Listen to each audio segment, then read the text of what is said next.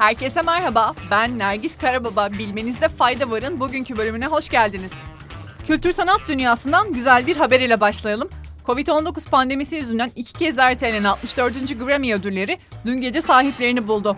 Ödül töreni Las Vegas'taki MGM Grand Garden Arena'da gerçekleştirildi ve törenin sunuculuğunu Trevor Noah üstlendi. John Batiste 5 ödülü kucaklarken Törene damgasını vuran şey Ukrayna Devlet Başkanı Zelenski'nin Rusya saldırısı altındaki ülkesinin yeniden özgürlüğüne kavuşması için seyircilerden destek istemesi oldu. Yılın albümü ödülü We Are ile John Batiste'in, yılın şarkısı ödülü Leave the Door Open ile Silk Sonic'in, en iyi solo performans ödülü Driver's License ile Olivia Rodrigo'nun oldu. Çok değil, belki 20 ya da 30 yıl öncesine kadar bizim için önemli olan her şeyi fiziksel olarak bulunduruyor, en basitinden bütün fotoğraflarımızı bastırıyorduk. Ama dijitalleşen dünyaya ayak uydururken bu alışkanlıklarımız da yavaş yavaş azaldı. Peki hiç siz hayata gözlerinizi yumduktan sonra dijital varlığınıza ne olacağını düşündünüz mü? Bulut sistemleri yüklediğimiz belki yüzlerce saat video, binlerce fotoğraf, sayısız belge ve aklımıza gelmeyen daha bir sürü şeyimiz var. Ama merak etmeyin internet platformları bu durumun farkına vardı. Teknoloji devlerinden biri olan Apple bu konuda üzerine düşeni yaptı ve Aralık 2021'de dijital miras özelliğini hayata geçirdi.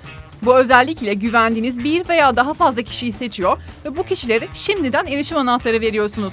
Vefatınız üzerine bu kişiler ölümünüzü kanıtlamaları ve sizden kendileriyle paylaştığınız erişim anahtarını da vermeleri durumunda Apple hesabınıza erişebiliyor. Google'da ise etkin olmayan hesap yöneticisi özelliği var.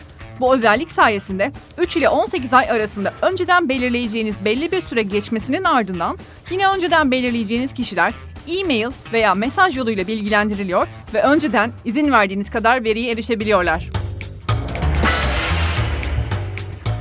Bu haberin ardından bugün de pazartesi olduğu için size neşe verecek başka bir şeyle devam edelim.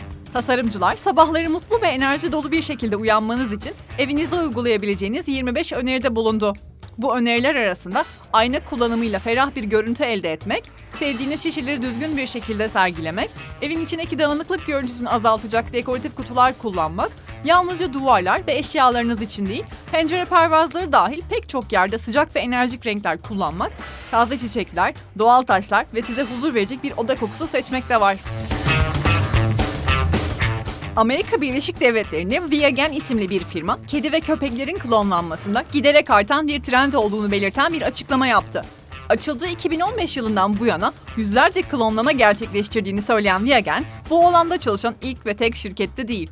Güney Koreli bir firma 2005 yılında bir köpeği klonlamayı başarmıştı. Maliyeti yüksek ve başarı oranı %20 olan klonlama işlemi 3 farklı teknik ile gerçekleştirilebiliyor. Ama genellikle kullanılan yöntem ise klonlanmak istenen hayvandan alınan hücre çekirdeğinin genetik materyali çıkarılmış donor yumurtaya enjekte edilmesi.